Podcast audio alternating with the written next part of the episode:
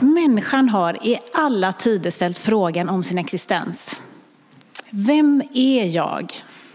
Varför finns jag? Innan jag kom till tro på Jesus så hade jag svårt att förstå poängen med mitt liv. Jag kände mig inte sedd eller älskad. Jag hade ingen aning om att jag var värdefull. Jag kämpade och slet med att lyckas i livet så jag skulle få bekräftelse. Jag eh, pluggade hårt, jag tränade hårt, jag bantade jämt. När jag läste till jurist så skulle jag toppa varje tenta, annars blev jag helt knäckt. Och när jag sen började jobba så var jag oftast den sista som lämnade kontoret på kvällarna. Och det blev även många kvällar, eller helger. Men hur jag än kämpade och slet så kände jag mig ändå lika tom och ensam i slutet av dagen. Jag började liksom fundera över vad som var meningen med allting. Var inte livet mer än det här? Till slut så var jag villig att pröva Jesus.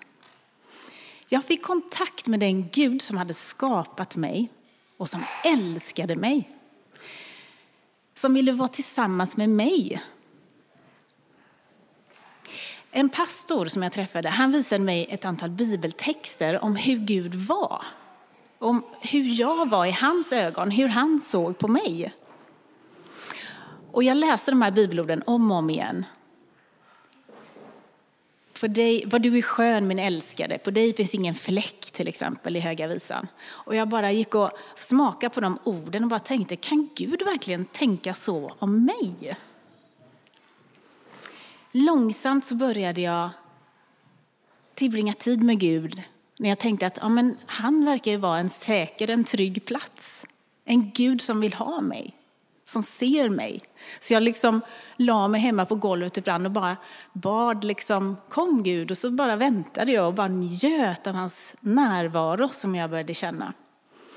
Långsamt, långsamt så började jag se på mig på ett annat sätt. Jag fick en ny självbild som byggde på Guds sanning om vem jag var. Inte på min egen ganska förvridna självbild som jag hade fått genom att leva i en trasig värld med väldigt omänskliga värderingar om hur vi ska vara och eh, alldeles för lite kärlek.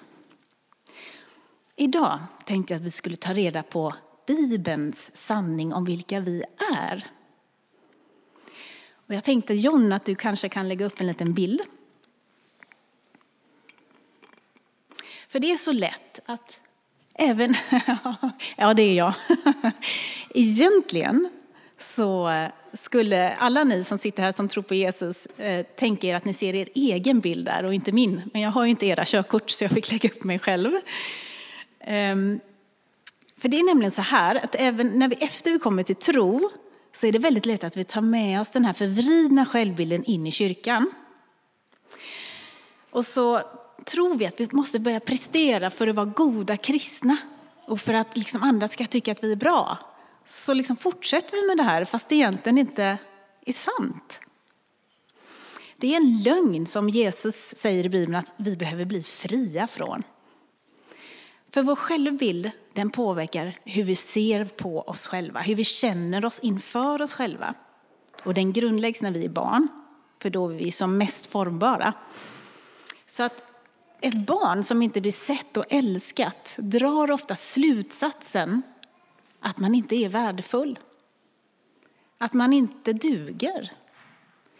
Och utan att vi är medvetna om det så bär vi med oss de här slutsatserna om oss själva upp i vuxen ålder.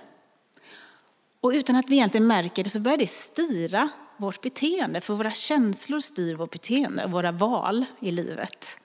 Så hela vårt liv liksom färgas av den här felaktiga självbilder många gånger. En del personer med svag självbild de blir väldigt drivna som jag var. De arbetar hårt för att bli någon och den tenderar till att inte bara vara självkritiska utan också bli kritiska mot andra. Man blir ganska självupptagen. Och I församlingen så märker man de här personerna genom att de har ett stort behov av att få andras beundran och bekräftelse. Och de kan bli konkurrensinriktade och lite lagiska sådär, och kritiska. Då. Andra personer med svag identitet de kan känna sig väldigt osäkra. De har svårt att sätta gränser och uttrycka sin vilja. Och I församlingen så tror de här personerna inte mycket om sig själva. De har svårt att ta till sig Guds kärlek. De kan kämpa med en orimlig eller obestämbar känsla av skam för sina svagheter och misslyckanden, som vi ju alla har. De har svårt att se sina styrkor och gåvor och de har svårt att tro att Gud vill använda dem. Gideon var en sån person. Jag kommer snart till körkortet. Gideon i Domarboken i Gamla testamentet, kapitel 6. Där kan vi läsa om hur han och hela Israels folk gömmer sig i grottor och hålor. Fienden har kommit och intagit landet och de är så starka och de har förstört skördar och, och mat och nu svälter Israels folk och gömmer sig. Det här folket som var den levande Gudens folk som han hade befriat från Egypten och som hade intagit det här landet hade fått det bra och glömt Gud och börjat tillbe avgudar, stod det. Och då glömde de vilka de var. Var de kom ifrån, vem som var deras Gud och vilken kraft han hade lagt ner i dem. De hade tappat bort vilka de var. Och det här gjorde att fienden kunde härja fritt och bara förstöra. Så en dag satt Gideon och hukade sig i en håla i marken och försökte förbereda lite mat som han hade gömt då för fienden.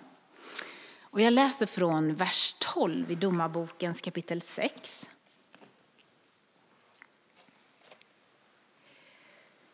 Då sitter Gideon i den här gropen. För honom uppenbarade sig Herrens ängel och sa till honom, Herren är med dig, du tappre stridsman. Gideon svarade honom, Åh, min herre, men om Herren är med oss, var, varför har allt då det här drabbat oss? Och var är alla hans under som våra fäder har berättat om och sagt, se, har inte Herren fört oss upp i Egypten? Nu har Herren övergett oss och gett oss i midjaniternas hand, det var fienden. Då vände sig Herren till honom och sa, gå i denna din kraft och fräls, alltså rädda, Israel ur midjaniternas våld. Se, jag har sänt dig. Gideon svarade honom, O herre, men hur ska jag kunna rädda Israel? Min ett är det mest obetydliga i Manasse och jag är den yngste i min fars hus. Herren sa till honom, jag är med dig och du ska slå midjaniterna som en enda man. Gideon svarade honom, om jag har funnit nåd inför dina ögon så ge mig ett tecken på att det är du som talar med mig. Herren hade en uppgift till Gideon han skulle göra upp med avgudadyrkan i sin fars hus och han skulle befria Israels folk från fienden, leda dem i det här. De som hade skrämt Israel till svält och underdånighet. Så Herren kallar på Gideon som sitter och gömmer sig med orden Herren är med dig du tappre stridsman. Men Gideon här svarar med att klaga på sin situation och säga men du Gud har ju övergett oss. Men i själva verket var det ju Israels folk som hade övergett Gud. Men Gud är ändå där och vill liksom hjälpa Gideon igång. Så där Gideon sitter och ser sig som oförmögen, obetydlig, av fel härkomst, så säger Gud, jag är med dig och du ska slå midjaniterna som en enda man. Jag menar allvar med att använda dig. Men Gideon han argumenterar ju mot Gud flera gånger i det här avsnittet. Och Gud får liksom upprepa för honom, jag är med dig, det kommer gå bra. Och genom tre olika tecken så får Gud visa Gideon att det är verkligen jag som är Gud, som är här nu och talar med dig och det kommer gå bra. Gideons bild av sig själv var förkrympt och den lamslog honom tills Gud kom och hjälpte honom. Att missa vilka vi är i Herren, det är det mest effektiva sättet att lamslås. När vi glömmer vilka vi är så missar vi Guds fantastiska plan för våra liv och för vår församling. Men Gud vill idag nå oss med sin sanning, att du är hans planerade barn, hans högt älskade, skapad för ett meningsfullt liv och en uppgift. I vår så predikar vi utifrån Efesierbrevet. Och Paulus han skriver till de kristna i storstaden Efesos. De hade börjat leva på omgivningens vis. Och det hade lett till att de också hade tappat bort vilka de var som den levande Gudens församling. Så i första och andra kapitlet i Efesierbrevet så försöker Paulus påminna dem om deras identitet som Guds folk. Han kallar dem heliga, av nåd förlåtna och rättfärdiggjorda. Guds utvalda, älskade barn med ett arv i himlen att vänta. Och att de har tillgång till Guds kraft för att få utföra en spännande och otroligt viktig uppgift i den här världen. Så jag har sammanställt den här bilden utifrån vad som står där i Efesierbrevets första och andra kapitel. Den första bibliska sanningen om vår identitet det är vi, du är underbart skapad av Gud. På Bibelns första sida så kan vi läsa om att Gud skapade människan till sin avbild. Det gjorde han inte med djuren. Han gav människan en särskild värdighet och han gav henne en uppgift. Hon skulle råda över skapelsen och vårda den. Alltså vilket förtroende! Så du kommer alltså inte av en slumpartad explosion i universum eller från djuren. Du är inte bara en figur bland mängder av andra varelser som Gud har skapat. Du är skapelsens krona med ett särskilt värde inför Gud. Det var människan som Gud ville samtala med och promenera med i Eden.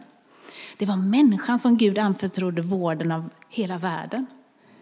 Och redan från start så har Gud visat att han tror på oss genom att han gett oss den här uppgiften. Så även om vi människor på grund av syndafallet är en skadad avbild av Gud så är vi fortfarande Guds älskade verk. Och var och en av oss är skapad för ett syfte. I psalm 139 i Bibeln så står det att vi var planerade av Gud långt innan vi föddes.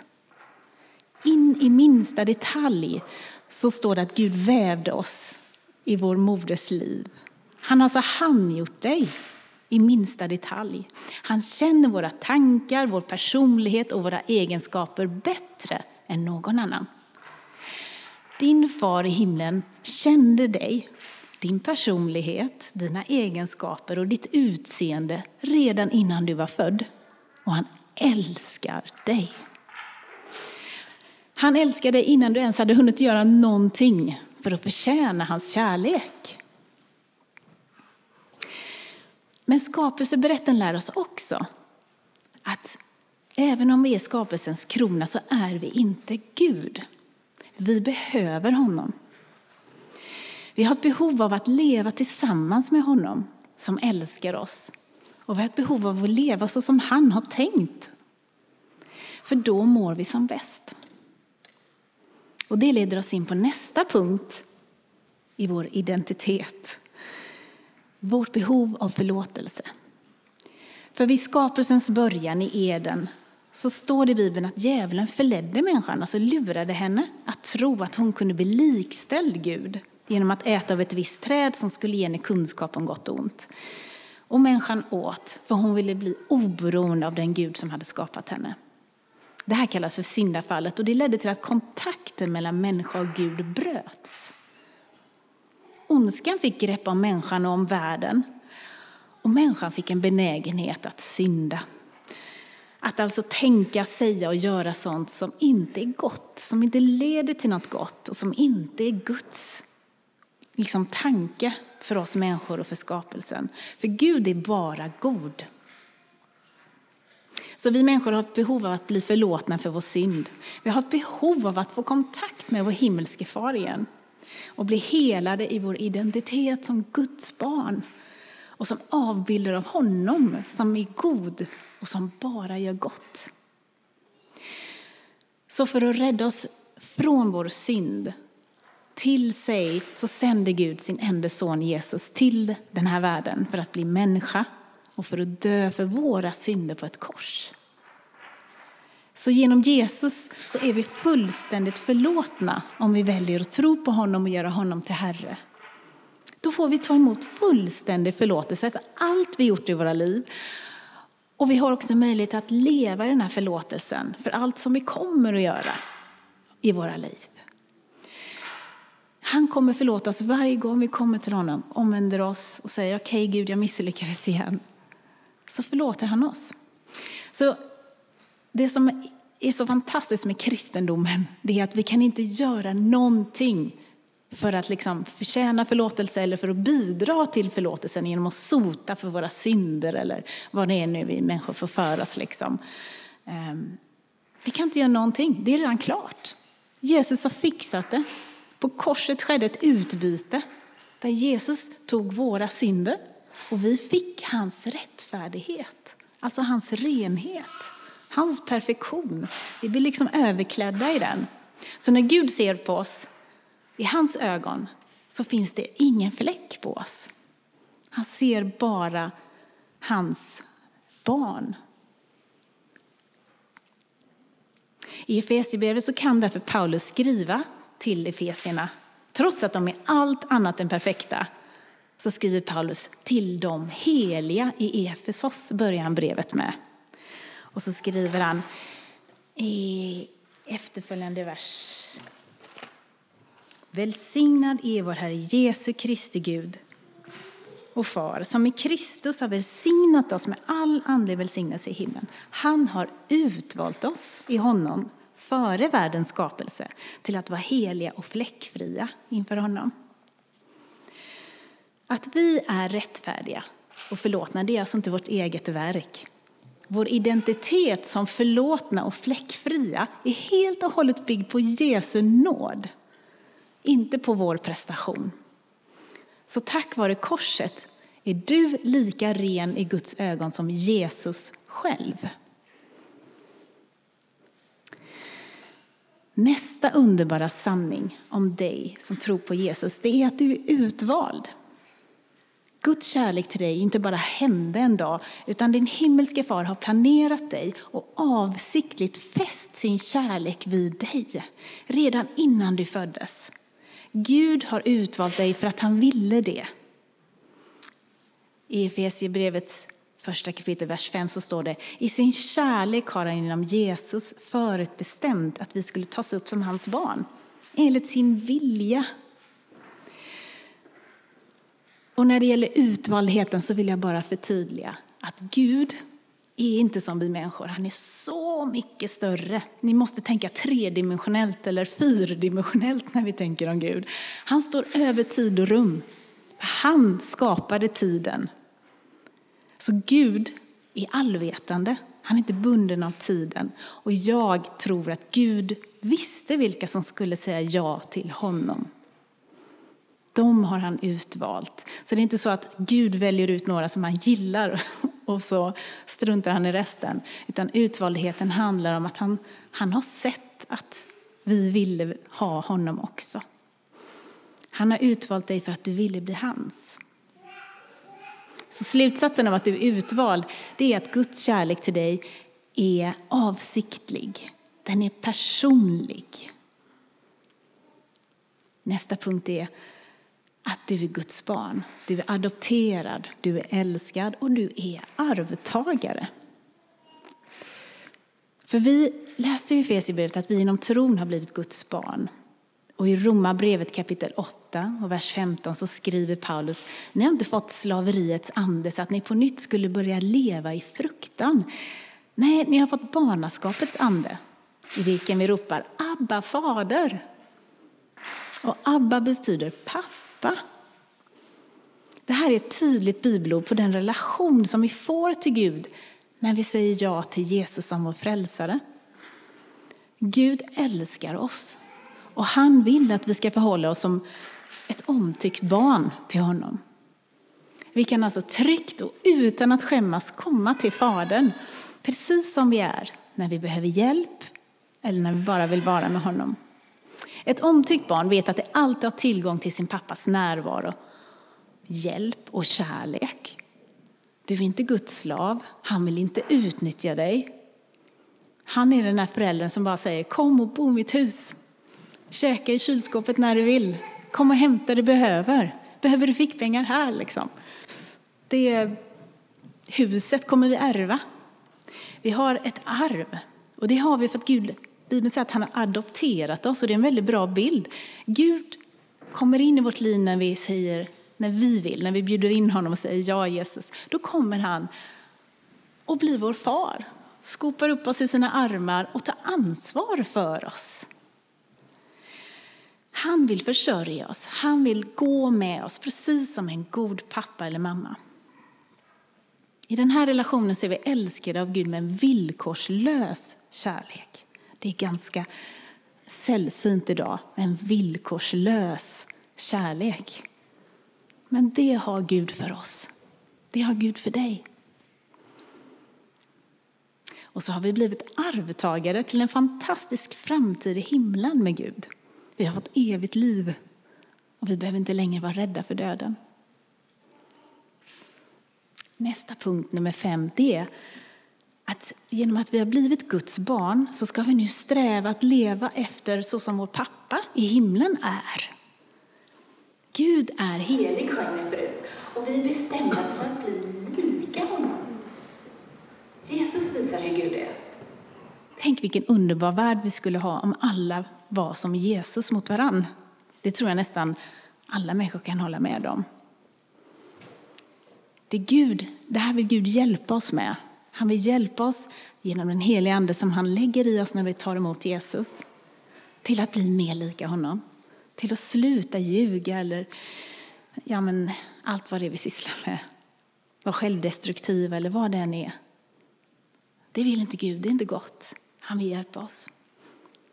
Så han har gett oss sin heliga Ande som en garanti, står det i Efesierbrevet. För att vi ska ärva himlen, för att vi ska komma dit, för att vi ska vara kvar i tron och försöka börja gå med honom. Guds ande ger oss kraft att förändras. Alltså, det finns ingen som Guds ande för att hjälpa en människa med ett missbruk till exempel, eller ett, ett, ja, men något destruktiv vana som vi har. Med den heliga ande så får vi en helt ny chans att ta itu med det här i våra liv. En helt ny kraft, en X-faktor som vi liksom inte fixar själva. Jag berättade ju för ett tag sedan om en kvinna som vi fick hjälpa som var prostituerad och ehm, förmodligen trafficking-offer och som hade gått på heroin i 12 år. Hon hade injicerat heroin. Och de flesta säger att det går inte. Det går i princip inte att bli fri från ett sånt eh, beroende för det är så starkt kemiskt. Men hon blev fri till allas förvåning utan att det fanns plats på behandlingshem, för det fanns inte.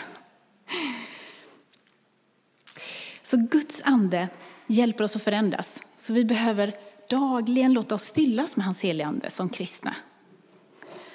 Låt er fyllas av helig ande, säger Paulus och uppmanar liksom oss att göra det. Det är liksom som snick, jag vet inte om ni såg Snickers-reklamen på tv för ett tag sedan. Men Mr Bean kom ju farandes över taken i Japan någonstans och så kraschar han genom taket och så bara hamnar han på golvet framför fienden och liksom helt helt misslyckad och bara helt felplacerad. Men så får han en Snickers. Och så reser han sig upp och så blir han en skärpt ninjakrigare igen. You're not yourself when you're hungry. Vi måste låta Gud fylla på för att vi ska get ourselves together. Du är inte dig själv när du är tom på Guds ande. Då är vi inte vår sanna identitet. Så när vi misslyckas och känner oss allt annat än heliga så är det dags att gå till Gud igen och fylla på med hans ande, hans kärlek och ta emot hans förlåtelse. Den sjätte punkten den handlar om att du som Guds barn nu får en uppgift. Du är en tjänare. Efter att ha påmint Efesierna om att de är Guds älskade och förlåtna barn som har fått del av Guds kraft så kommer Paulus in på att det är meningen att våra liv ska göra skillnad i den här världen. I kapitel 2, vers 10 så skriver Paulus, vi är Guds verk, skapade genom Kristus, alltså på nytt födda genom att vi kommer till tro, till att göra de goda gärningar som Gud från början har bestämt för oss. Alla som tror får en viktig uppgift. Vi kallas av Gud till att tjäna varandra och tjäna den här trasiga världen. Jesus sa att han kom inte för att bli betjänad, utan han kom för att tjäna. Gud själv gör sig till en sårbar människa och kommer underifrån in i den här världen för att tjäna oss som inte vill ha med honom att göra. Att tjäna är ett naturligt uttryck för kärlek, för verklig kärlek. För verklig kärlek, det är att ge, inte att få. Det här är för övrigt ett tips på ett lyckligt äktenskap eller på en bra vänskap. Ge hellre än att tänka på vad, att du inte fått vad du behöver. Om alla gör det så blir det väldigt bra. En missionär i Indien han fick tuberkulos och hamnade på sjukhus. Patienterna låg där i en stor sal. Och en gammal man som var väldigt svag han klarade inte att gå på toaletten själv på natten utan det hamnade i sängen. Och när sköterskan kom på morgonen och såg det här så slog hon den här gamle mannen. När sjuksköterskan, eh, nästa natt så hände samma sak. Och den gamle mannen blev slagen igen på morgonen. Den tredje natten, när den gamle mannen började jämra sig och försöka ta sig ur sängen, så kämpade sig missionären upp i sin säng. Och han stapplar fram till den här gamle mannens säng, hjälper honom upp på ryggen och går med honom på toa. Nästa morgon när missionären vaknade så stod det fullt med patienter, eller medpatienter då, runt hans säng. De hade gjort en kopp te och de ville höra vad det var för Gud han trodde på. De hade inte varit intresserade innan, men nu var de det. För de hade sett verklig kärlek i den här tjänande inställningen. Jesus kom till den här jorden för att tjäna och det är vår sanna identitet att tjäna andra. Ju mer vi blir fyllda av Jesus kärlek, desto mer börjar vi älska som han. Och vi kommer märka att vi är gjorda för den här typen av kärlek. Ju mer vi tjänar andra istället för att putsa på våra egna liv, desto mer kommer Guds förunderliga glädje att fylla oss. Och hans tillfredsställelse. Ett annat sätt att säga det här på det är att vi är präster. Du är Guds präst. Det säger Petrus i första Petrusbrevet 2.9, att vi är Guds heliga präster.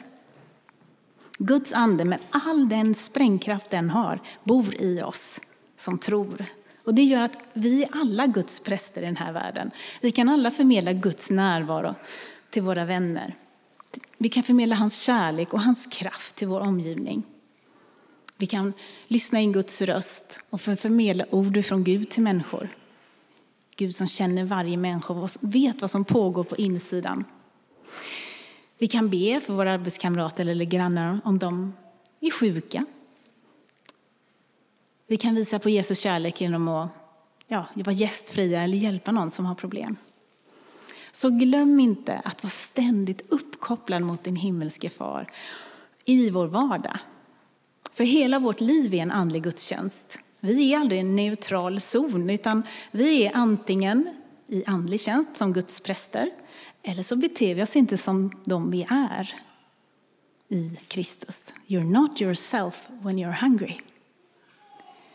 Gud vill fylla dig med sin ande och sin kärlek och han vill låta dig vara hans kontaktpunkt för människor som undrar vilka de är eller varför de finns.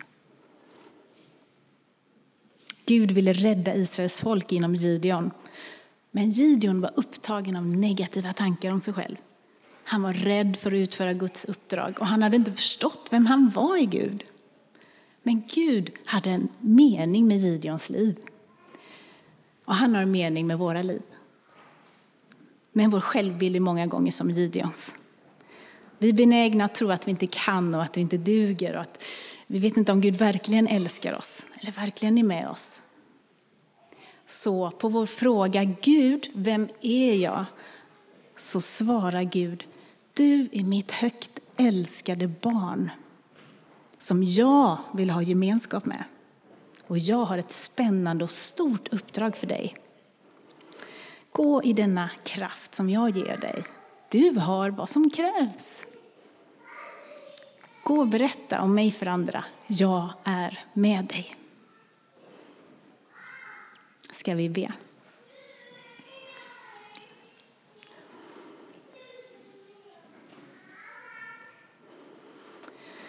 Far i himlen, jag bara tackar dig. Jag tackar dig för att du är god, för att du är vårt ursprung och du har älskat oss sedan före världens början. Tack att ingen av oss är en slump, utan att du älskar oss och har älskat oss till döds. Jag tackar dig för var och en av dem som är här inne idag, Herre. Jag ber att du ska röra vid dem och ge dem vad de behöver, Herre. Jag ber att du ska läka trasiga hjärtan, Herre, och läka trasiga självbilder. Att du ska hjälpa oss att ta emot din kärlek på ett nytt sätt och börja lita på dig på ett nytt sätt. Du som älskar oss med villkorslös kärlek. Jag prisar och tackar dig. I Jesu namn. Amen.